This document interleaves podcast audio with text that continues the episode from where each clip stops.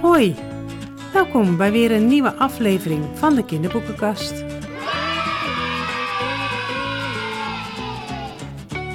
Ga er maar weer eens even goed voor zitten, want vandaag is mijn gast Pieter Koolwijk. Hallo Pieter, Hallo. wat leuk, wat Ja. fijn dat ik bij je mag zijn. Ehm, we gaan straks eh, uitgebreid over je nieuwe boek praten. Ehm, trouwens, over al je boeken. Ehm, maar eerst willen de kinderen altijd graag iets eh, van je weten, zodat ze je beter leren kennen. Nou, kom maar op. Ja, ben je er klaar voor? Ja hoor. Hoe oud ben je? Ehm, 48. Net 48. Oeh, moeten Ja. we je nog feliciteren? Nee, nee, Oh, nee, dat valt ook wel mee. Heb je broers of zussen? Ja, een oudere broer en een jonge zusje. Namen? Eh Arie is mijn oudere broer en mijn zusje heet Rebecca. Ben jij getrouwd? Nee, ik ben gescheiden. Dus Eh. in goed overleg uit elkaar gegaan. Oh, dat is altijd mooi. Ja, En heb je huisdieren? ik heb inderdaad een huisdier en ik heb een kat die heet Link. Ja, hey, ehm, dat vergeet ik nog eigenlijk te vragen, want heb je dan wel kinderen? ja, ik heb een dochter, Nora, van 17. Oh, Ja, leuke leeftijd. Gaan we weer verder. Wat is je lievelingseten? Ja, dat wordt wel me vaker gevraagd. Dat vind ik heel moeilijk. En meestal zeg ik ook altijd tegen kinderen: ehm, Ik woon alleen. Ehm, nou, de helft van de tijd is mijn dochter dan, maar die verzint het niet. Dus ik moet iedere dag zelf verzinnen wat we gaan eten. Het zelf klaarmaken. Het daarna ook weer opruimen. Dus mijn lievelingseten is als iemand anders verzint wat we gaan eten. Dat ik er niet over na hoef te denken en dat ik lekker kan aanschuiven. dat vind ik, dat is, vind ik heel fijn. En dan maakt het mij niet zo wel uit wat het is. Oké, dus je, dan is het alles. Ja hoor, prima. alles wat een ander verzint is Ja lekker. hoor, als ik me niet iedere keer zelf erover na hoef te- Want dat is iedere dag weer dat ik denk, wat ga ik nou weer eten? I know the struggle. Ja. Wat is je lievelingskleur? Is zwart een kleur? Ehm, volgens Sanne Roosboom wel, volg? Nou ja, dan ga ik toch vaak voor zwart. Ja. En als de kinderen op school zeggen, nee, zwart is geen kleur, dan zeg ik heel donkerblauw. ja, Ja. dat zien jullie natuurlijk niet, luisteraars, maar hij is nu ook in zwart. Ik heb iets zwart aan, met Ja. iets grijs eroverheen. Grijs vind ik ook altijd goed. Lekker gekleurd. Ja, zwart, grijs en blauw zijn de kleuren die het goed doen bij mij. eh. Heb jij altijd al schrijver willen worden?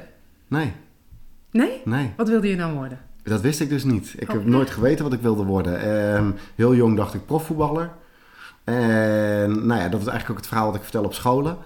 Hè, eh, 12 ambachten, 13 ongelukken. Ik had gewoon geen idee. Dus ik heb van alles geprobeerd, van alles gedaan. En steeds achtergekomen dat ik niet op mijn plek zat. En aan het zoeken geweest in het leven wat ik nou wilde. En uiteindelijk ben ik wel de IT ingerold. Ja, met computers werken. En dat vond ik best oké. Maar daar was ik nog steeds niet helemaal gelukkig in.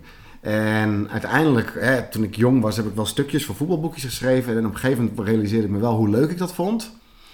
En toen ben ik dat eigenlijk, sinds ik hier in Emmen woonde, toen ik eh, 31 was, ben ik dat weer op gaan pakken en daarmee aan de slag gegaan. En toen was het doel ooit één keer een boek schrijven. Nou ja, dat is al gelukt. Nou, dat, ik wou zeggen, dat is goed gelukt. Ja, eh. ja. En vind je het makkelijk of vind je het soms ook wel eens moeilijk om te schrijven? Ja, allebei. Ehm, soms vind ik het makkelijk. Ik ben nu met iets bezig wat ik redelijk makkelijk schrijf. Ik vond Luna heel makkelijk om te schrijven. Ehm, maar de tweede Vlaamstikel vond ik heel moeilijk. En vooral Missie Afbreken, die dit jaar gaat verschijnen, vond ik heel moeilijk om te schrijven. Daar ben ik heel lang mee bezig geweest. Ja? Dus ja, soms is het heel makkelijk en soms is het heel moeilijk. Ja, en dat is denk ik met alles. De ene keer ehm, dan komt het zo uit je vandaan. En dan, dan, dan schrijf je het een aan het andere stuk op. En de andere keer dan wil het niet lukken en dan is het moeilijk en heb je geen zin. En dan moet ik verplicht 500 woorden schrijven van mezelf. Als ik dat dan maar doe, iedere dag. Ik wou zeggen elke dag 500, ja? Precies. Als ik dat dan maar doe, dan komt, zit er in ieder geval vooruitgang in en dan kom ik er vast wel weer in. Dus ja, soms is het heel makkelijk en soms is het ook gewoon ongelooflijk moeilijk. Hoe verzin jij iedere keer weer een nieuw verhaal? Nou ja, dat is. ehm, dat weet ik eigenlijk niet. In principe heb ik gewoon een heel fantasievol hoofd waar allemaal verhalen in ontstaan.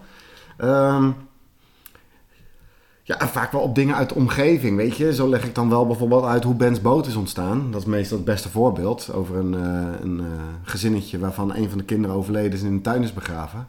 Zeg, hoe, waarom? Nou ja, de poes was ooit overleden, die 20 was. En mijn dochter was nog klein. En die vertelde dat ze ook in de tuin begraven wilde worden. Dus ik zei, oké. Nou, toen hebben we daar een gesprek over gehad. Waarom wel, waarom niet. En steeds als ik een reden gaf, gaf zij een tegenargument. En uiteindelijk ja, ik kwam ik tot de conclusie van... ja, maar wat dan als we gaan verhuizen? Oh ja, en dat vond ik zo'n leuk gesprek. Dus daar is Ben's boot uitgekomen. Die ik trouwens heel makkelijk schreef. Binnen een week had ik hem klaar. Echt? En ehm, ja, dus zo is dat ontstaan. En, maar vaak komt het wel vanuit een bepaald gevoel dat ik iets wil vertellen. Neem Gozert. Dat het toch wel gaat over Ehm, nou, in dat geval over onze maatschappij. Over anders zijn in onze maatschappij. Dat we allemaal wel roepen dat alles tegenwoordig kan en alles mag. Maar dat de werkelijkheid is, is dat jij een hoofd hebt wat misschien heel anders werkt. Dat je dan vaak op onbegrip stuit. Mensen je toch proberen dat hokje erin te krijgen. Je moet mee in het schoolsysteem. Ehm, dus dat er eigenlijk soms helemaal niet zoveel ruimte is om anders te zijn dan dat we roepen. En ehm, hè, we hebben het allemaal over inclusiviteit heel veel tegenwoordig. En dat vind ik ook heel belangrijk. Alleen is voor mij soms inclusiviteit veel groter dan waar we het over hebben. En dat gaat dan ook over iemand met een verstandelijke beperking, maar ook over iemand met autisme of ADHD. Weet je, dat zijn van die zaken. En nou ja, een goede vriendin van mij heeft ook autisme. En ja, die merk je dan ook, die, die ook tegen bepaalde, tegen, vooral tegen onbegrip uit je omgeving omloopt. Want je bent anders dan de standaard. Ja. En dan is dat wel het verhaal wat je wil vertellen. En wat dus is normaal. Hè? Precies. Dat is natuurlijk ook weer iets wat je... Ja. Precies, dus, dus dat, daar merk ik wel bij dat er dan vaak... Eh, en Luna was veel meer, hé, hey, haar verhaal is niet klaar. Ja, en dat lag ineens zo voor me. Dus hoe verzin ik het? Poef, vind ik soms lastig, want ik heb wel het hoofd er ook voor. Dat leg ik dan ook wel uit. Maar uh, ik verzin heel makkelijk dingen verzin makkelijk de grootste onzin. Ik kan ook hele stomme, neppe antwoorden nu gaan geven. Daar heb ik niet zoveel moeite voor. maar dat ga je niet doen. Nee, dat gaan we niet doen. Ik ga de waarheid spreken. Dat gaan we niet doen. Zoveel mogelijk. Ja. Lees jij zelf ook veel? Ja, nou veel. Ik weet niet of het veel is, maar uh, ik vind dat ik meer moet lezen. Maar ja, als ik een boek aan het schrijven ben, dan vind ik het heel moeilijk om een boek te gaan lezen. Want dan leidt dat af. En dan ben ik bang dat ik onbewust dingen erin stop. Ja, dan zit je ook in je eigen wereld. Ja, precies. Dus dan wil ik er niet van. Oh, en, daartussendoor probeer ik dan wel te, even te denken van, oh, ik wil dat nog boek nog lezen en die. En dan heb ik er eigenlijk altijd meer die ik wil lezen dan dat ik uiteindelijk lees. Ehm, ja, en ik lees ook van collega's bijvoorbeeld. Ik wil heel graag altijd weten wat mijn collega's doen. Ehm, als ik zie dat iedereen uh, loftrompet steekt op een bepaald boek, ben ik ook nieuwsgierig. Of hè, zoals het boek van Jork Goldenwijk, zag ik het omslag toen hij uitkwam, heb ik gelijk gekocht, want ik vond het omslag briljant. Ja, ja. Uh, nou, van Sanne Rozenboom lees ik al voordat ze uitkomen.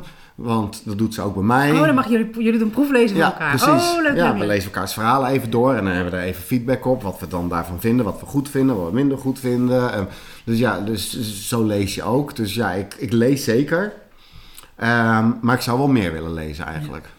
Maar ja, als je proef leest, dan lees je sowieso ook al een paar boeken. Precies, dat is het ook. En als je zelf aan het schrijven bent, dat weet je, dan lees je hem ook gewoon nog een keer door, nog een keer door. Gaat naar de uitgever, feedback, herschrijven, nog een keer lezen, nog een keer lezen. Nou, uiteindelijk is die goed. Eindredactie, feedback, weer doornemen. Dan is alle feedback klaar. Ga je hem nog twee keer goed doorlezen. Dus op een gegeven moment, dat leg ik ook aan, aan de kinderen uit. Dus als een boek uitkomt, en dan heb ik hem echt wel twintig keer gelezen. En dat, dan zit ik laag nog hè, met twintig keer.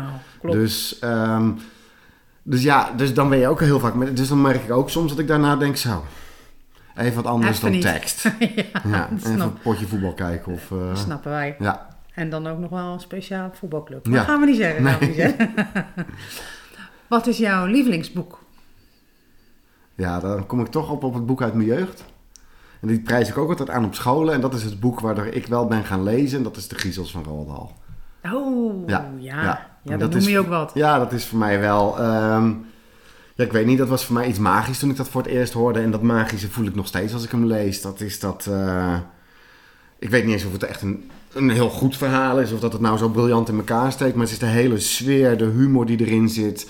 De gekke dingen die erin zitten ja, dat is voor mij wel schrijven. Dat is wel gewoon je meenemen naar een andere plek. En even de wereld om je heen vergeten en ergens heel veel van genieten. Dus voor mij is dat wel. Um, qua jeugdboek is dat mijn lievelingsboek.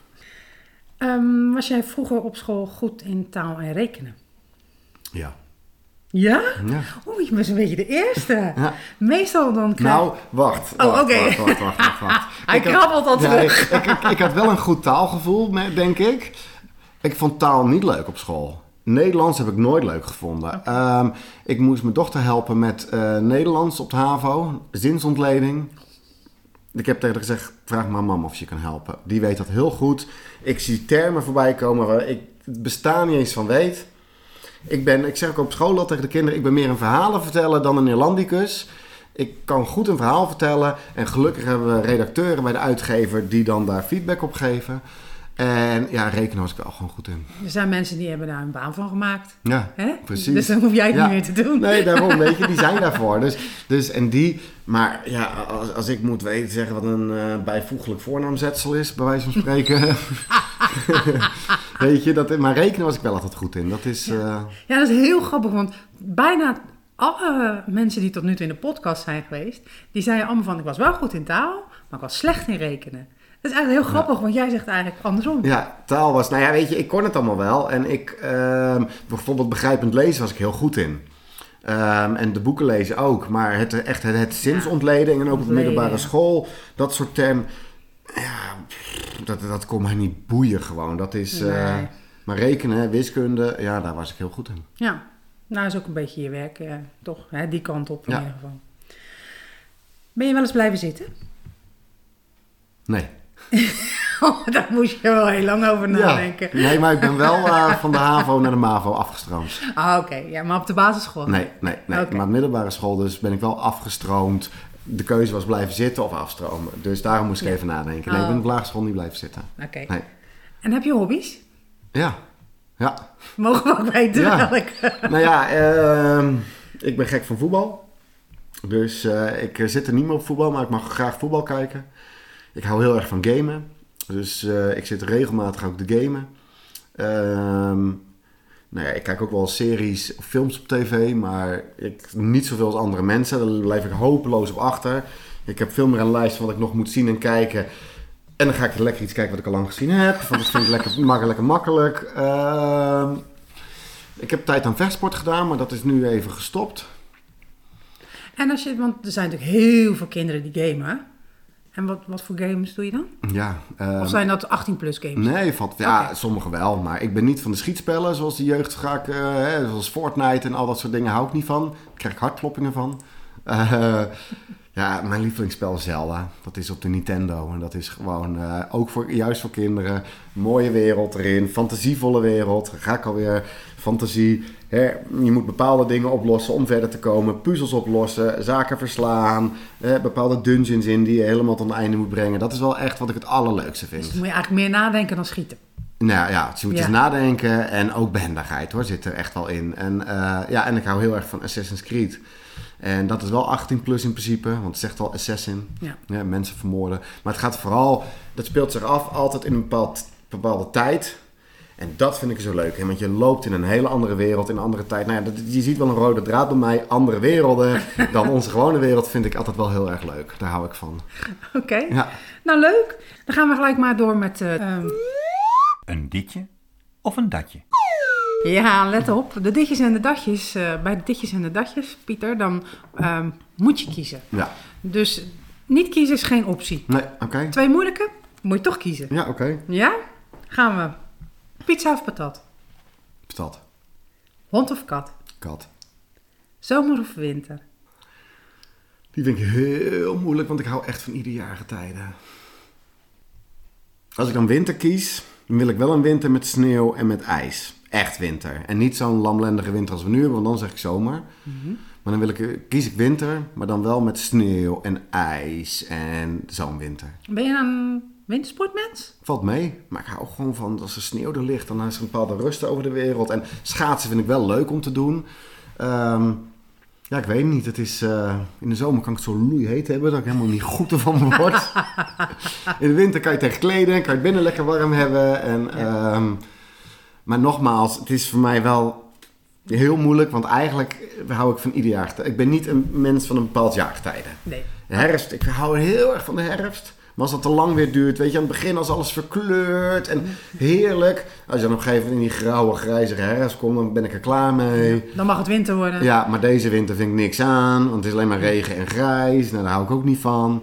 Lente, als je dan de winter hebt gehad met sneeuw en de lente komt en het gras komt terug ja. en bloeit terug. Heerlijk. Ja, dus juist ja. de afwisseling van alle jaargetijden, daar hou ik eigenlijk het meeste van. Oké. Dus we zeggen winter, maar eigenlijk is het alles. Ja, Eh, lezen of schrijven? schrijven.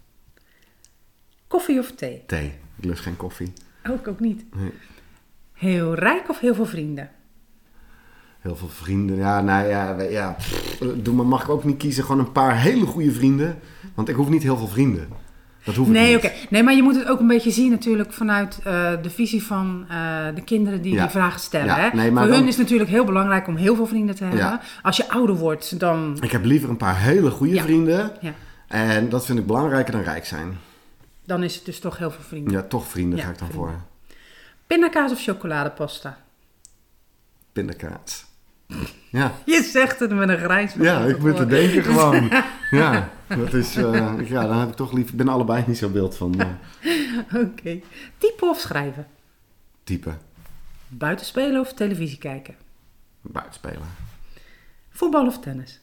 Die was niet zo moeilijk, Nee, denk ik. voetbal. Overduidelijk. Die kon ik zelfs voor je invullen. Elke dag taart of elke dag spruitjes? Ik hou niet van elke dag hetzelfde. Nou, als je dan dan moet kiezen, dus ga je dan voor zoet of voor... Laat het dan zo noemen, zoet of hartig? Ik hoef echt geen elke dag taart. Nee. Ik hoef ook niet elke dag te fruiten. Ehm, ja, dan doe dan maar elke dag taart. En dan kan ik gewoon een klein stukje nemen en dan doe ik dat wel. Eh, binnenbad of buitenbad? Met zwemmen. Ja. Buitenbad. Dierentuin of pretpark? Pretpark, want ik vind dierentuinen zielig. Ja. En dan een gewetensvraag. Standalone of serie? Om te schrijven. Ehm vind ik dus heel moeilijk. Ik ben in principe geen serieschrijver. Dus in principe ga ik voor de standalone. Maar je ziet wel wat ik doe met Gozer, Luna en Missie Afbreken. Dat ik toch het leuk vind om langer in dezelfde wereld te zitten. Maar dan pak ik hem vanuit verschillende invalshoeken. Zoiets zou ik nog wel een keer willen doen. Maar ik ben geen serieschrijver. Ik ben niet iemand die iets neerzet en dan nog een vervolg en nog een vervolg en nog een vervolg. Dat, dat is niet echt mijn ding. Ik vind het leuker om steeds iets nieuws te doen. Maar de vorm die ik nu gevonden heb, is dan toch iets nieuws in eenzelfde wereld. Dat vind ik wel heel fijn en dat wil ik eigenlijk nog wel een keer doen. Dus, maar ik ga toch voor standalone dan. Ja, oké. Nou, we zijn er alweer doorheen. Nou, makkie, viel toch mee. We hebben ook iets te zeggen. Hallo, ik ben Madelief, ik ben 11 jaar oud en ik heb het boek Gozers gelezen. Het boek is geïllustreerd door Linde Vaas. Ik vind haar plaatjes zelf heel erg mooi. Gozert is eigenlijk vooral een grappig boek. Ik vind vooral de dingen die ze doen en hun avonturen grappig. Je kan er echt om van in een deuk liggen. Maar sommige stukken zijn ook best wel spannend. De hoofdpersonen van het boek Gozert zijn vooral Gozert en Ties. Zij maken echt de meeste avonturen mee in dit boek. Het boek Gozert gaat eigenlijk over Ties. En Ties, iedereen vindt Ties eigenlijk een beetje gek. Omdat hij zegt dat hij een onzichtbare vriend heeft, maar ja, niemand kan hem zien. Maar, Go maar Ties ziet Gozert echt. En ze doen heel veel spannende en leuke dingen. Bijvoorbeeld naar de autosloperij van een troll. Maar de vader en moeder van Ties maken zich eigenlijk een beetje druk om Ties. Daarom brengen ze hem naar een dokter.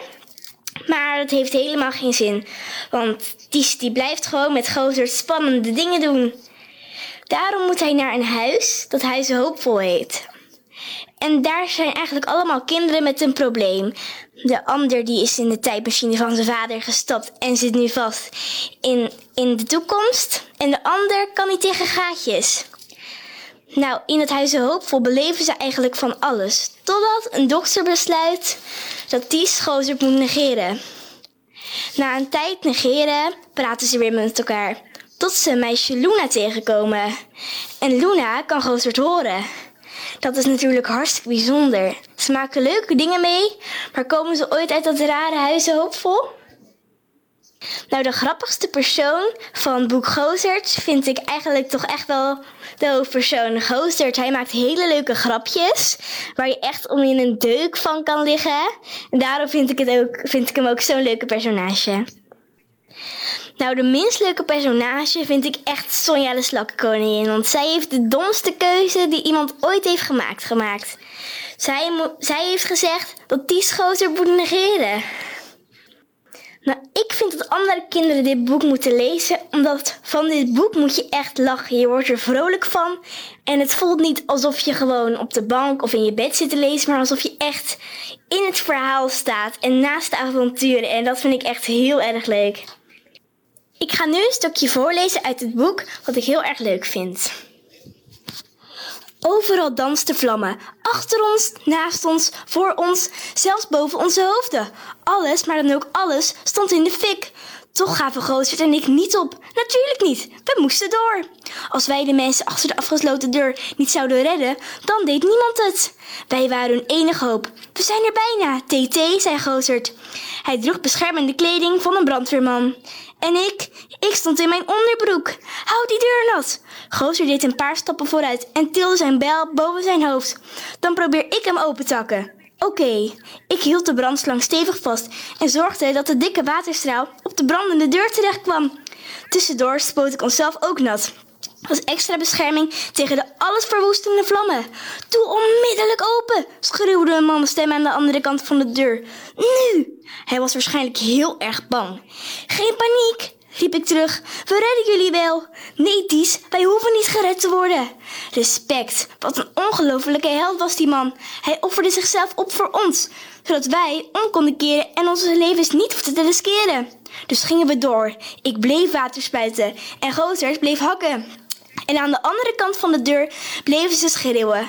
Maar dat niet alleen, ze bonkt erbij en rukte wild aan de hendel. Achter me viel een brandende balk omlaag en de rook prikte in mijn ogen. We hebben niet veel tijd meer, Gozert. Ik kom er niet door, zei hij. De deur is te dik. Ik liet de brandslang vallen, rende op de deur af en beukte er met mijn schouder tegenaan.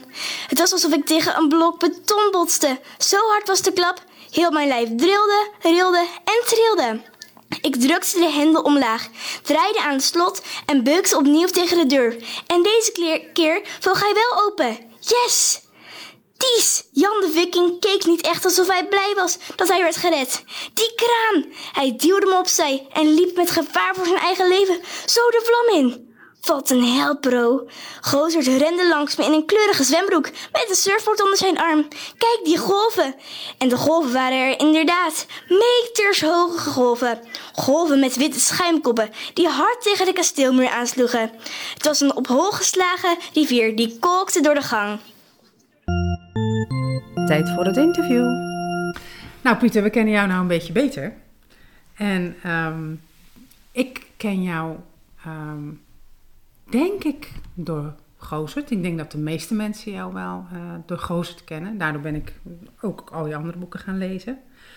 En voor Gozert heb jij natuurlijk die gouden griffel gekregen. Mhm. Ehm, maar zoals ik al zei, je hebt nog veel meer boeken. Vertel eens. Ja, ik heb uh, het was mijn eh, zesde boek. Zeg dat goed? Ja. We zijn begonnen met Flanstikel. Dat was mijn debuut. Opgestuurd naar een uitgever, vier uitgevers. En Lemde Scout belde gelijk op dat ze het uit wilden geven. Hè, over eh, een jongetje Floris die Flo wordt genoemd en wordt gepest en die dat vreselijk vindt. En een, eh, dan komt er een klein meisje in de klas met rechtopstaand haar, Stikkel, die zich nergens wat van aantrekt. En nou ja, dan, dan gaat het over de pestkoppen die er zijn, de moeder van die pestkoppen. eh, maar ook gewoon ja, jezelf durven zijn en in jezelf gewoon geloven. En je bepaalt zelf wie je bent en niet je omgeving. Nou, daar heb ik nog een tweede boek over geschreven, Floon Stikkel Vliegenzwammen. Toen kwam Ben's Boot, waar ik het net al even over Mhm, had. ja. ehm, waar ik een vlag en wimpel mee kreeg. Toen kwam Baas van de Wereld, het enige boek dat niet door Lin is geïllustreerd. De zwerver met een vliegend winkelwagentje die de wereld probeert te redden. Van ons, de volwassenen. En die de kinderen uitlegt, jullie zijn de toekomst. Toen kwam Prutje. Kinderen die eh, ja, in de industriële revolutie in een fabriek moeten werken. En met een jongetje met Down-syndroom die erin zit. Een meisje met een kort armpje. Ehm, Dat is ook wel mooi, hè? Want het wordt nooit zo benoemd. nee, helemaal niet. Dat Ik vind ik dus zo mooi Ik noem nergens dat, dat Nee, hij dat, nee, die, dat, die, eh, dat heeft. Maar dat heeft hij wel in Ja, mijn hoofd. Ja. En ehm, ja, kinderen die dus in die fabriek moeten werken, dat vreselijk vinden, van hun huis weglopen, op zoek gaan naar het eigen geluk in het leven. En ehm, ik zeg ook altijd in de klasse, niet doen wat ik, wat ik schrijf in mijn boeken, niet van huis weglopen, maar eh, het gaat wel over achter je eigen geluk aanjagen. Toen kwam Gozert, nou die hoef ik dan niet meer uit te leggen, mijn zesde boek. Toen kwam Luna, hè, het meisje uit Gozert, en die topt met de familie en de, en de andere dingen waar ze mee zit. En toen kwam een boek voor de middenbouw veel meer, De Trollen van Lijf. Over het stoere meisje Rafna, die een hele irritante broer heeft. Die zegt dat overal trollen zijn. En ja, in eh, mei verschijnt mijn eh, negende boek. Missie afbreken. Het laatste boek van Gozer, Ties en Luna. Ja, daar ben ik echt zo verschrikkelijk benieuwd naar. Dat, eh heel erg serieus. Ehm, Hey, je had het al eventjes over die griffel. Om daar nog even op terug te, krijgen, te komen. Dat, dat lijkt me dus echt waanzinnig, hè? Als, als, eh, als schrijver, ja. zo'n prijs. Dat is het ook. Ja, ik heb je zien stralen. Ja, ja, maar dat was ook niet iets wat ik verwacht had mee te maken in mijn carrière. Ik had altijd wel zoiets van, ehm, nou ja, weet je, ik wist heel lang niet wat ik wilde worden in mijn leven. Of wat ik wilde doen qua werk. Ik ben heel hard aan het zoeken geweest. Toen op een gegeven moment kwam ik erachter dat ik schrijven leuk vond. En dan ben ik weer aan de slag gegaan. En het doel was één boek. Nou, dat lukte. En toen dacht ik, nou, weet je, als ik dit kan blijven doen, gewoon een boek schrijven, wat wordt uitgegeven en af en toe eens naar school toe, dan ben ik super blij ermee. En toen ik een vlag en wimpel kreeg, was het al dat ik, wow, nou, alsof ik ineens een andere wereld werd ingetrokken. Toen kreeg ik zilver voor Gozert. Dat kon ik niet eens bevatten. Dat dacht ik, nou. En toen zei iedereen... Dat moest "Ah." nog komen. Toen zei iedereen, nou, wel goud winnen. En ik werd er een beetje opstandig van. Van jongens, waar is die zilver niet goed genoeg of zo? En ik was al... Dat is meer voor ja, de mensen die Nederlands gestudeerd hebben. De oud-journalisten. eh, De, de mensen die heel literair schrijven. eh, Dat is een andere... Ja, ik vond dat... Categorie bijna, Ja, en ik vond ook dat dat altijd de griffels in een bepaalde periode waren. Vooral de literaire boeken in mijn eh, hoofd. Toen kwam Lampje op een gegeven moment wel. Ik dacht, hé, lekker goed leesboek. Daar ben ik heel blij mee. Ehm, dus nee, ik had dat nooit verwacht. Nee. En dat ik toen hem kreeg, die gouden. Nou ja, ik heb hem niet voor niks ook op mijn arm eh, laten zetten. Ja, gaaf. hè. Gouden griffel Ja. staat er. Ja, dat zien de mensen niet, Nee. maar hij heeft dus op zijn arm getatoeëerd gouden griffel. Ja, met Ja, de griffel met de erbij. griffel erbij. Ja, dus dat is voor mij wel echt, ehm, ja, ongekend bijzonder. Ja. Ik denk ook niet dat ik dat nog een keer mee ga maken in mijn leven. en dat is ook goed. Voor mij is het ook gewoon goed nu. Voor mij heb ik nu zoiets. Hè, ik merk dat ik ook nu met iets aan het schrijven ben. Ik ben helemaal niet meer bezig met recensenten Nee. of met, met, met eh, prijzen. Of nee, dit vind ik heerlijk om te schrijven. En ik denk dat de kinderen dit heel leuk gaan vinden. Nou, mooi. Dus er is voor mij wel iets van me afgevallen daardoor of zo. Is het, was het wel een soort erkenning of zo? Misschien voor jezelf. Ik denk dat ik voor het Ik eerst... kan het dus. Ja, en nou ik denk vooral ook nog meer naar het leven wat ik geleden heb, dat ik voor het eerst echt trots was op mezelf. Oh, wat goed. Want ik heb daarna het altijd wel kunnen downplayen. En als ik dan een boek had geschreven, dan ja, maar ja, uiteindelijk kan iedereen schrijven hoor. En als ik het kan, kunnen anderen het ook. En weet je, die vlag en wimpel had ik ook nog. Ik was heel trots erop. Maar goed, er zijn best wat meer mensen die dat krijgen. Ja, dit was niet meer te downplayen. Nee, hè? nee, nee. dit was, nee, nee. ik dacht, poh, ik ben de vijftigste in al die tijd. En ja, dit is niet meer... Nee. eh, Ik, ik ben gewoon, ik kan het gewoon echt. Ik, ik kan ben het gewoon goed. echt. En Ja. dit is, hier mag ik apen trots op zijn. Dus sindsdien merk ik wel dat ik wel trots ben op wat ik doe. Oh, goed hè? Ja. Dat is leuk om te horen. Ja. Ja, want ehm, het was natuurlijk voor Gozert. En Gozert is natuurlijk een drieluik, hè? En dat zei je al. eh Gozert, eh, Luna. Ik zeg vaak Luna, want Ja. mijn kleindochter heet Juna. Dus Ja. sorry. Ja, nee, maakt niet uit. Ik, ik zeg Luna, maar als iemand zegt Ja. Luna, dat mag ook, weet je. Dat is... eh, En dan natuurlijk missie afbreken. ja. Ehm, kun je daar stiekem wat meer over vertellen? Hoe, hoe, hoe is dat eigenlijk zo ontstaan? Nou, het, vooral wat er, wat er eigenlijk was, het was, Goos, het was de bedoeling om daar één boek over te schrijven. En ik heb hier en daar al bij eh, later wel eens gelezen van lezenreviews over Luna. Dat ze zeiden, die lazen dan pas later. Oh, hij probeert voor te beduren op het succes van de Griffel. Nou, dat is dus totale onzin. Want toen ik eh Goos had geschreven, voordat hij naar de drukker ging, hè, was je de drukproef nog een keer goed aan doorlezen of er geen fouten in zaten. En ik las hem de alle keer, laatste keer. En toen dacht ik, Luna, ik vind dat ik jou aan je lot overlaat. Ik vind, hmm, Het was nog niet af. Het nee. Voor, ik vond dat het voor Ties wel goed was zo, dat het klaar was. En toen dacht ik, ja, voor Luna eigenlijk niet. Oké, maar dan wil ik wel niet, dan wil ik echt in haar hoofd kruipen. Wil ik haar verhaal schrijven. Dat ga ik doen. Dus ik ging de uitgever even bellen. En ik sprak met een redactrice erover. En ik zeg, ja, ik heb besloten dat er nog een boek komt. En toen zei ze, oh, dan ga je vast dat en dat oplossen. Nee. Nee.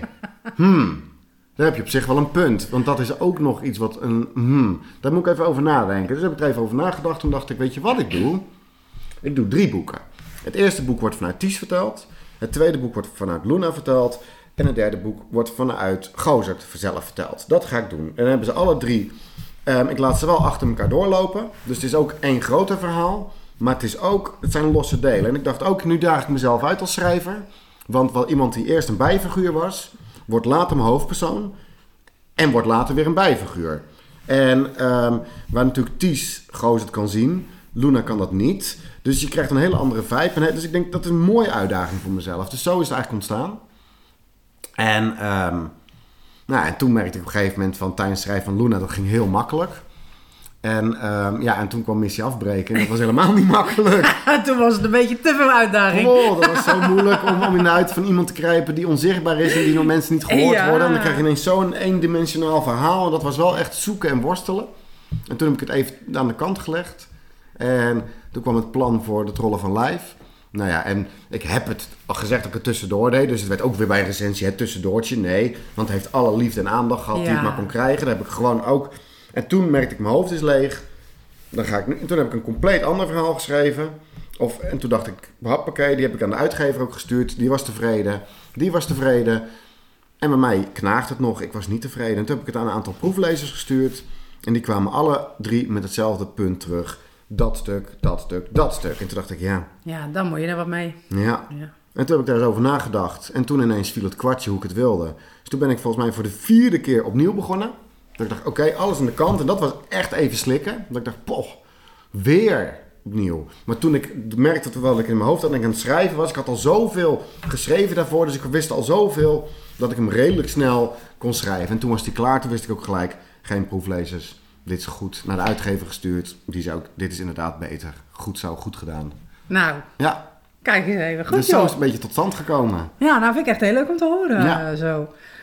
Ehm, wat ik me nou wel afvroeg. ehm, heb jij nou ook research gedaan? Ben je ook naar kinderthuizen of zo geweest? Nee, bewust niet. Oké. Eh, ik wilde daar juist van wegblijven. Het moest pure fictie zijn.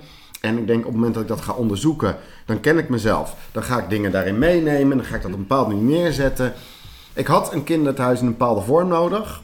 Ehm, en dat heb ik overtrokken. Daar heb ik expres tot in de absurditeit heb ik het getrokken. zodat ik dacht, dan neemt niemand dat serieus. En neem bijvoorbeeld, ik haal het maar Mathilde aan. Ja, Met ja, ja. eh, eh, die directrice, Boelstronk. Dat, dat is geen aanklacht tegen het schoolsysteem. Dat is gewoon een hele overdreven, die niet bestaat. Nee.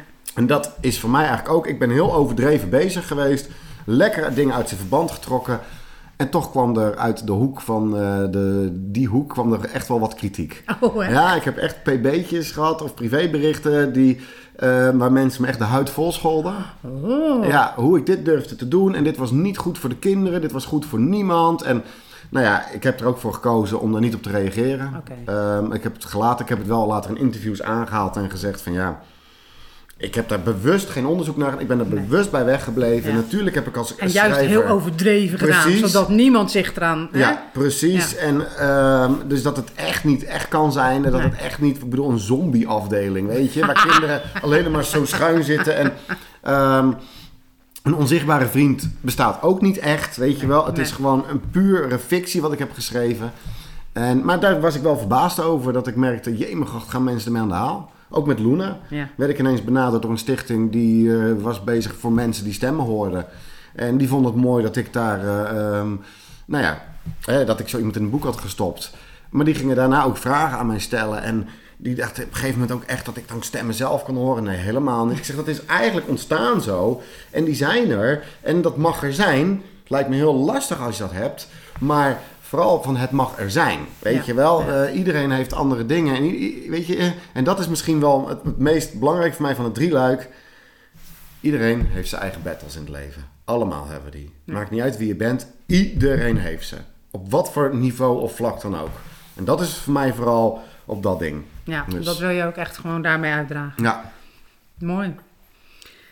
Ja, een van jouw vroegere, vroegere, voor, ja, vorige boeken, Prutje.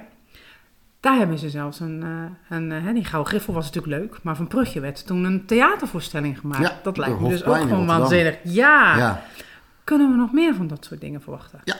Vertel! Ja, oh, Hofplein. dat is, dit is een scoop, of nee, niet? nee hoor, heb ik ook al volgens mij op social media al verteld. Oh, oh, jammer. Nee. Ehm, Hofplein heeft, wat dat er gaat, eh, heeft een samenwerking met Lemnis Kaart voor mijn boeken op het moment.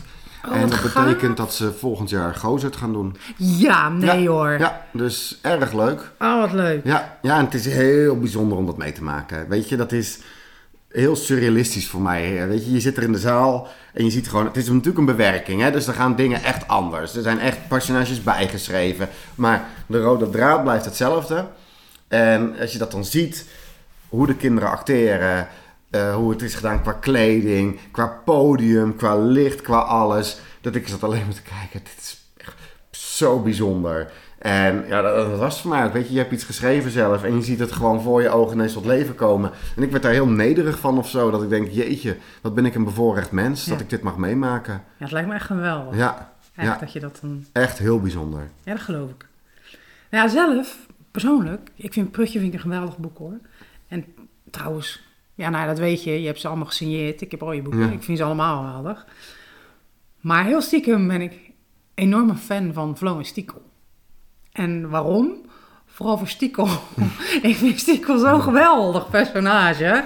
Die heeft, die heeft eigenlijk zo'n waanzinnige leuke kijk op het leven. Ja. En die is zo... Ja, en passant geeft ze altijd nog geweldig advies Mhm. ook aan, aan, aan, aan Floris. Hè? Ja. Maar ook gewoon in het algemeen. En eigenlijk ook aan kinderen. Ja, Omdat via dat boek wat zij zegt... Ja, hè, hoe ze daarmee omgaat, dat, dat vind ik waanzinnig. Hè, met pesten, zoals jij al zei. Hè, van, nou ja, ze is daar heel makkelijk in. Ja. En ze komt er ook echt helemaal voor uit met... Nou, ik heb gewoon stekels. En Ja. eh, nou, als je het niet leuk vindt, nou, kijk toch de andere kant op. Zo'n zo'n houding, weet je wel. Echt en, waanzinnig eh, vind ik Een dat. prinsessenjurk aan of ballerinejurk aan naar school. En als iedereen lacht en wijst, zegt hij dat vind je dat niet vervelend. Hoezo ze lacht, toch? Ja, nou, dat, dat vind ik zo waanzinnig. En zit er nou... ehm, eigenlijk is dat wel een soort moraal, hè? Jij geeft, je geeft eigenlijk advies, een soort moraal geef je mee. eh, eh, bij Flo en Stiekel, vind ik. Ja, in ieder boek Niet, ja, nou, dat was dus mijn vraag. Zit dat in ieder, zit eigenlijk wel een beetje Ja, in ieder boek, hè? ja. Vind je dat belangrijk? Ja, vind ik heel belangrijk. Dat is vaak de reden dat ik het wil schrijven. Ja. En dat is... ehm, soms haalt het ook een andere moraal uit. Dat is heel grappig. Eh, Bas Maliepaard haalde uit... eh, te rollen van lijf haalde hij het moraal dat je er pas mag, pas mag zijn als je nut hebt. Weet Oh. je wel, want dat was het. Hè? De vikingen nemen hem pas serieus als hij nut Ja, denk ik, oh wat grappig dat Ja. hij dat eruit had. Want dat is niet het moraal. Het moraal is veel meer dat hij voet bij stuk blijft houden. Omdat hij ergens in gelooft. En dat wil hij. Mijn moraal is niet die mensen eromheen. Prima dat hij... Maar hij wil iets. Hij gelooft erin. En hij laat zich niet van de Nee. wijs brengen. En Hij hij, blijft gaat ervoor staan. Precies. En, ehm, en ook een beetje... Broers en zussen vind ik altijd irritant. Ja. Dat is helemaal zo. Weet je, en dat zit wel in ieder boek. In Prutje is het heel erg... ehm, erg Weet je, als je ongelukkig bent, nou ja, eigenlijk kan ik het beste Bert en Ernie maar quoten. Hè, maak er wat van, maak er wat van. Als je ongelukkig bent, doe er dan wat aan. In plaats van blijven zitten mopperen. Wat vind je niet leuk? Wat zou je graag anders willen zien? En hoe zou je dat kunnen bereiken? En als dat niet kan, ja, oké, dan mag je er altijd wel over mopperen. Ik kan het ook wel doen. Maar, eh, en baas van de wereld is heel erg, jongens. Wie kijkt er nou naar het grote plaatje? We zijn allemaal ingezoomd op al die losse problemen. Wie kijkt er nou naar het grote plaatje? En kinderen, jullie zijn de toekomst, hè? Jullie zijn de toekomst. Laat je niet gek maken door alles. Ik bedoel, zo'n Greta Thunberg die dingen roept en iets. En hoe iedereen over haar heen valt. Al die volwassenen, met name Bizar, mannen. Ja. Die er allemaal de gek met haar steken en, en lacherig doen. Die zijn over 40 jaar, 50 jaar weg. Ja. Maar zij is er Zij nog. is er nog, En ja. zij moet dan op die wereld. En al die jeugd. En dat vind ik soms wel heel moeilijk. De jeugd ziet dingen, de jeugd wil dingen anders. En ze worden weggehoond door de, de oudere gevestigde orde.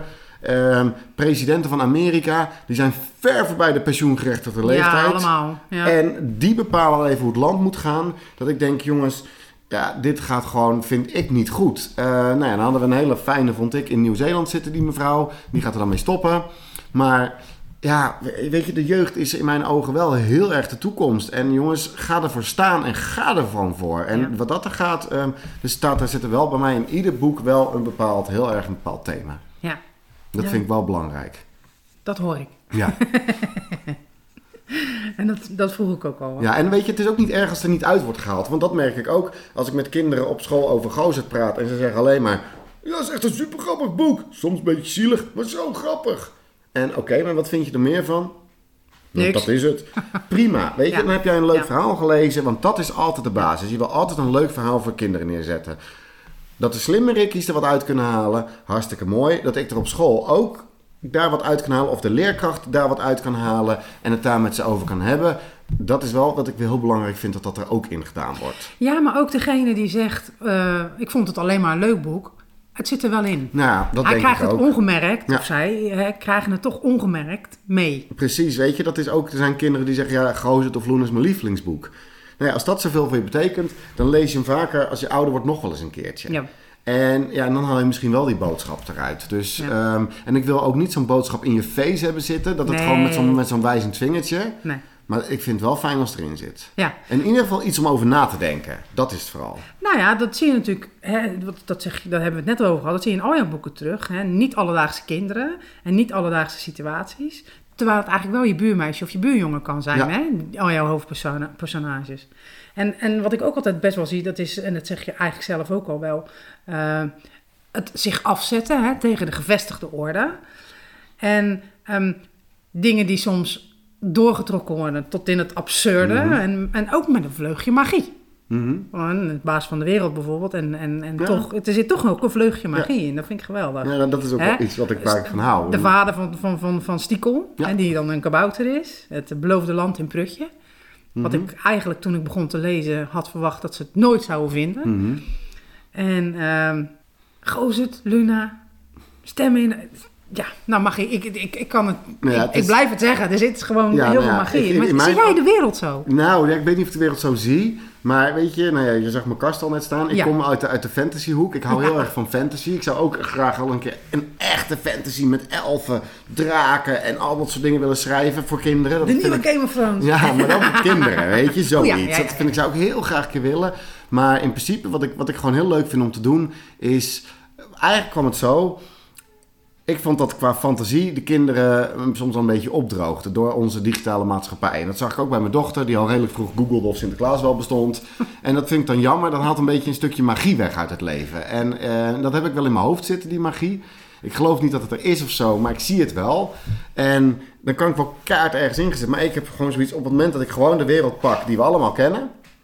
Dat is fijn, dat is makkelijk uit te leggen. En dan vind ik het wel leuk om ze daar een beetje uit te trekken. En daar iets, iets magisch mee te doen. Zodat je kan denken: Goh, die man daar zou zomaar de baas van de wereld kunnen zijn. Goh, in mijn dakgoud zou zomaar een kabouter kunnen lopen. Weet je, dus dat je eigenlijk die fantasie daar een beetje in stimuleert. Van hé, hey, wat ik in mijn boeken doe. Dat zouden we zomaar om, om je elkaar heen kunnen zien. Ik weet ook dat het onder de noemer magisch realisme valt eigenlijk. Als je het echt in een hokje wilt duwen. Maar dat vind ik vooral leuk. Dat het vooral is. ehm, we beginnen gewoon. Maar dan trek ik je Ja. toch even mee naar een eruit, stukje, ja. naar een stukje Ja, fantasie. En eh, ik zie de wereld niet zo. Maar ik heb wel echt zo'n fantasievol hoofd. Hè, toen ik vroeger met mijn dochter eh, door het park liep, en heb je van die wildroosters. En waarom is dat? Ja, om bepaalde dieren binnen te houden. En ik zei tegen mijn dochter, waar, weet je waarom dit is? Nee, het is om de kabouters in de borst te houden. Want die kunnen hier niet doorheen. Want die vallen dus ook tussendoor. Echt niet? Ik snap dat niet. Ik zeg, ik heb er wel eens één gezien. Echt niet? Ik snap dat niet. Nee, ik heb wel één gezien hoor. En dan loop je door en dan loopt ze ook mee, maar dan gingen we terug en liepen eruit. En dan zie ik, terwijl we langslopen, dan zie je er Twijfelen. toch Ja. zitten kijken Ja, ja. van zou er dan toch niks zitten? En precies dat stukje. Er zijn van die mensen in het bos die hebben eh, van die deurtjes gemaakt, kleine deurtjes en die plakken ze net erin. zeggen, ja. Dat is ook gewoon iets dat het het is niet zo, maar wat nou als? En ik vind wat nou als een van de leukste vragen. Ja. Het zou zo leuk zijn. Wat nou als het wel zou kunnen? Ja. Weet je, om naar de link naar Roald Dahl te maken. Wat nou als er wel een chocoladefabriek er zo van binnenuit zag staan? Wat nou als hè, er wel reuzen zouden bestaan? En, en dromen zo Ja. tot stand komen? En, en daar hou ik heel erg van. Ik ook. Dus ik zit hier helemaal Ja. met open mond gezellig Ja. mee, eh, mee te doen, mee te genieten. Ik hou van een beetje magie, wat dat er gaat in het leven. Ja, ik ook. Ja, als je Pieter zegt, zeg je natuurlijk Linde. Linde Vaas die illustreert bijna al je boeken. Hè? Alleen het Baas van de Wereld heeft ze niet, Nee. eh, niet gedaan.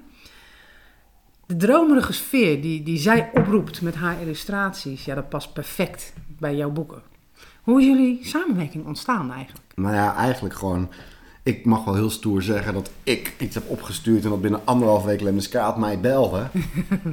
Linde zat gewoon thuis te werken en die kreeg zelf een mailtje van de uitgever zonder dat ze zich daar had aangemeld. hey, wij zouden met ons eens willen praten, want wij ze hadden op internet hadden ze illustraties van haar gezien en de uitgever zei toen, hij zegt ja, ik vind dat net stiekel. Die daar, ik vind het net stiekel. Zullen we haar vragen? En ik zag die tekening. Zo, dat is onwijs gaaf. Ja, zei jij ja! Ja, ja, gaan we doen, gaan we doen. Dus nou ja, toen eh, werd eh, Linde gevraagd en die ging aan het schetsen en die wilde dat wel. Die ging ermee aan de slag. En die moest eerst heel lang stiekel oefenen, voordat ze die goed in de vingers had. En nou ja, dat zag er wel mooi uit. En toen was de uitgever ook zo enthousiast, die zei... Zullen we gewoon voor kleurenillustraties gaan? Ja, ja, Ja, een droom, droom, droom. ja, precies, weet je wel. En, ehm, nou ja, en zo is dat eigenlijk gekomen. En ja, Lynn en ik hadden eigenlijk gelijk wel een hele goede klik met elkaar. En eh, veel bellen, veel mailen. En eh, ook toen ze in Nederland woonden, spraken we helemaal niet zo vaak met elkaar af. Maar wel gewoon heel vaak gewoon go- goed contact met elkaar. En dat is eigenlijk altijd zo gebleven. Eh, ik woon dan nu in Noorwegen. Maar ja, ze weet van mij waar ik mee bezig ben. Ze weet van mij waar ik daarna over na zit te denken. Ehm, hè, nu missie afbreken. Dat wist ze al lang wel wat voor boek dat zou gaan worden. Zodat zij kan oefenen alvast. Nou, je- gewoon dat ze het weet. Ja, dat het hopelijk bij haar al gaat- na kan denken Ja, en kan gaan leven. Of als ik gegeven een versie heb om te lezen, dan mag zij hem ook lezen. Ook is ze met iets anders bezig. Nou, dan geeft ze ook altijd aan. Ik zeg, kan je dat mee? Ja, genoeg. Ik zie zoveel dingen. Genoeg. Wat het, ben... Oh, ik heb zo'n zin om ermee aan de slag te gaan. nou ja, en als ik dan zoiets heb van... Hé, hey, maar als je nog feedback hebt... Dingen die anders zouden willen. Nou ja, dat kan. Ehm, weet je, en op een gegeven moment is het verhaal klaar. Nou, dan leest zij hem ook nog kennen. gaat zij aan de slag. En dat doet ze ook. En dan, eh nou, missie afbreken heb ik toevallig net binnen gehad. eh, de illustraties, die krijg ik dan. En dan gaan we het er eens even over hebben, wat er staat. En, en dan zeg ik ook, ik zie dat anders en dat anders en dat. Maar dat kan ik simpel aanpassen in mijn verhaal. Dat kan ik niet aanpassen. In hoeverre kan jij dat nog aanpassen? En als het niet is, dan laten we het zo. Maar dan probeer ik het nog wel even. Dus soms zit ik na afloop even nog wat teksten aan te passen en dingen te herschrijven. Omdat het beter klopt met haar illustraties. Want zij vond het beeld dan beter werken of vond het mooier werken. Het simpelste voorbeeld is een prutje.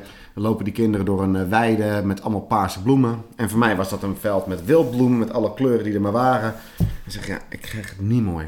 Kan ik er niet één kleur van maken? Ik zeg prima, zeg maar welke. Nou, dan passen we dat even aan. Dus, eh, dus het is wel een bepaalde Het is wisselwerking. echt, zeggen, hebben. het is dan echt een wisselwerken samenwerking Ja, ook, eh, precies. Dus ja. het is wel echt, ik zet wel de eerste stap. Ik begin met iets. Ik verzin het verhaal.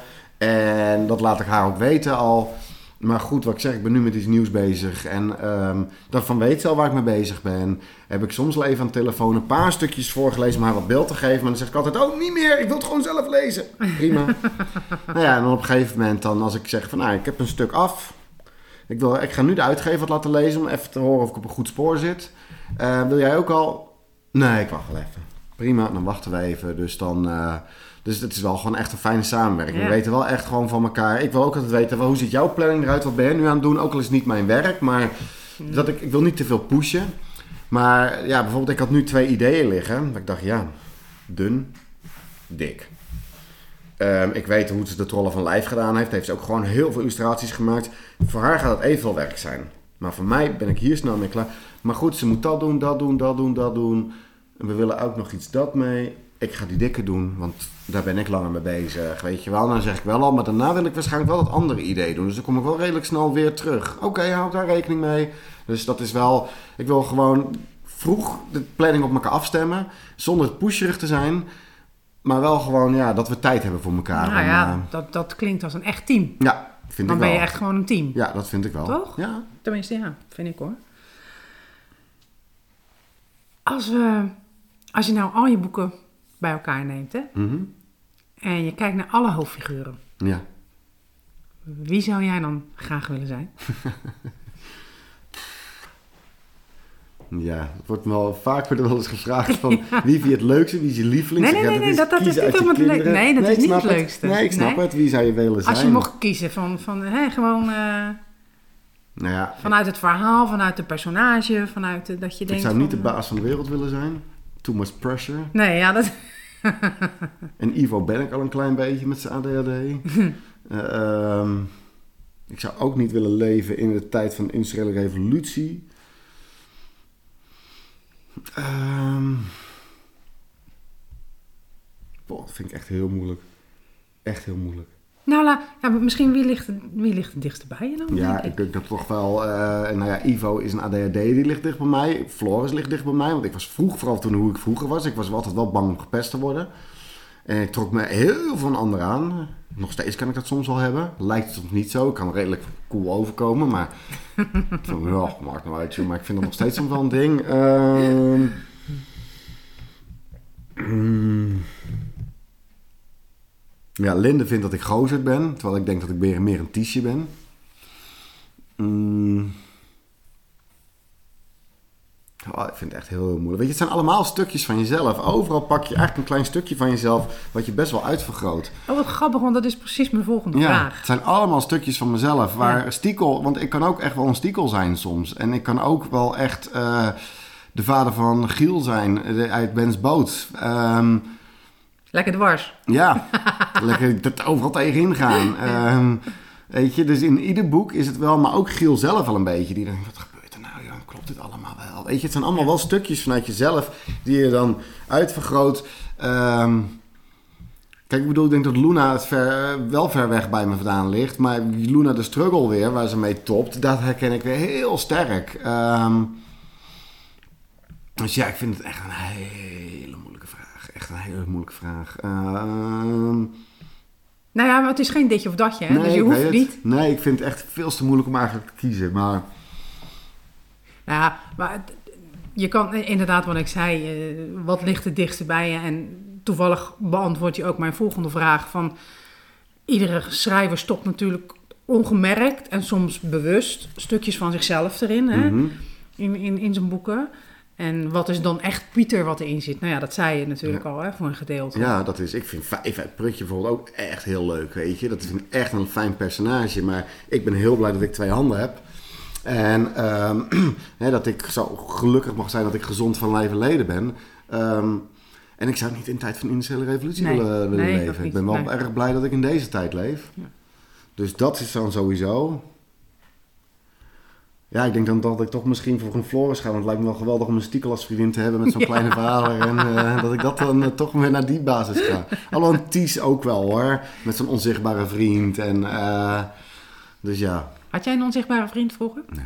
Nee? Nee, niet gehad. Wel dingen, hè. ik schrijf in uh, Gozet ook dat Ties in de auto zit en dat hij dan Gozet naast de auto ziet lopen en allemaal dingen. Dat deed ik wel. Er liep wel een poppetje naast me, weet Ja. je wel, die dan naast me rende. En ik praat wel heel veel tegen mezelf. Als ik, eh, of gewoon tegen, als ik in de auto zit tegen de automobilist omheen. of ik kan wel gewoon, eh, ja, ben wel gewoon aan het praten dan of zo, weet je. Dus, eh, maar niet bewust naar iemand. Nee, Nee, nee, geen vaste vriend. nee, nee. Nee. Nee, ik heb genoeg vrienden. Ja, nu. Ja. De vroeger. vroeger. Nee, nee, had ik niet. Nee, nee, dat is. nee, wordt vaak gevraagd. Had je een onzichtbare vriend of hoorde je ook stemmen? Nee, nee. Nee, nee, nou dat, dat, dat geloofde ik ook niet. Ik weet nog vroeger, mijn moeder die vertelde wel eens aan mij, tenminste toen ze nog leefde, dat toen ik klein was, dat ik dan, eh, eh, daar stond ik midden in de kamer en dan zei ik van, eh, kijk nou toch. En dan had mijn moeder zoiets van, waar, wat is er aan de hand?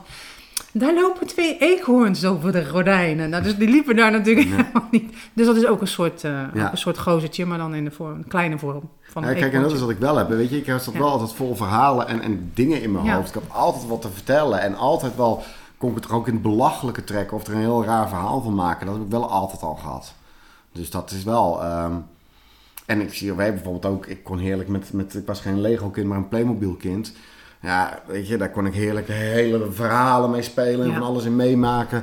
Dus zo was ik wel altijd. Dat, ehm, En als ik aan het voetballen was met mijn vriendjes, ja, in mijn beleving voetbalde ik in een heel groot stadion en was het de wedstrijd van je leven. En, en in die ja. optiek liep ik dan altijd wel rond, weet je Ja. wel. Dus ehm, wel altijd vol fantasie erbij. Ja, nou ja, dan kunnen we alleen maar concluderen dat je niet één hoofdpersonage eh, zou willen zijn, maar Nee. dat je ze eigenlijk allemaal bent. Nee, en dat is hetzelfde ook met het kiezen over dit en datje, met eten. Ja. Ik, het leven is zo mooi. Er zitten zoveel leuke dingen in het leven. En zoveel leuke mensen. En zoveel... Het is soms, soms zo moeilijk om je te beperken tot iets. ja, vaak is voor kinderen natuurlijk heel zwart-wit, Ja, ja, klopt. En Dus, dat vind ik eh, heel moeilijk. ja. Dat zeg ik altijd op scholen. Ja. Ik, zeg jullie altijd kiezen. Wat is je lievelingskleur? Wat is je lievelingseten? Wat is je lievelingsdit? Ik zeg maar, ik vind het juist zo fijn dat al die dingen er zijn. Ik zeg maar, ik heb wel een, echt een lievelingsvoetbalclub. Dat is heel belangrijk, hè? En die hebben wij nou juist niet Nee, genoemd. nee hoor, dat gaan we niet doen. Ze staan wel bovenaan. Even nu. Maar ik of, zeg niks, maar ik zeg het stiekem toch. ja, maar straks als die eh, wordt uitgezonden, dan staan ze misschien niet meer bovenaan. Nee, verkeerde daarom, daarom, Dus- daarom. hey, ehm, nou, we zijn er weer bijna aan het einde, joh.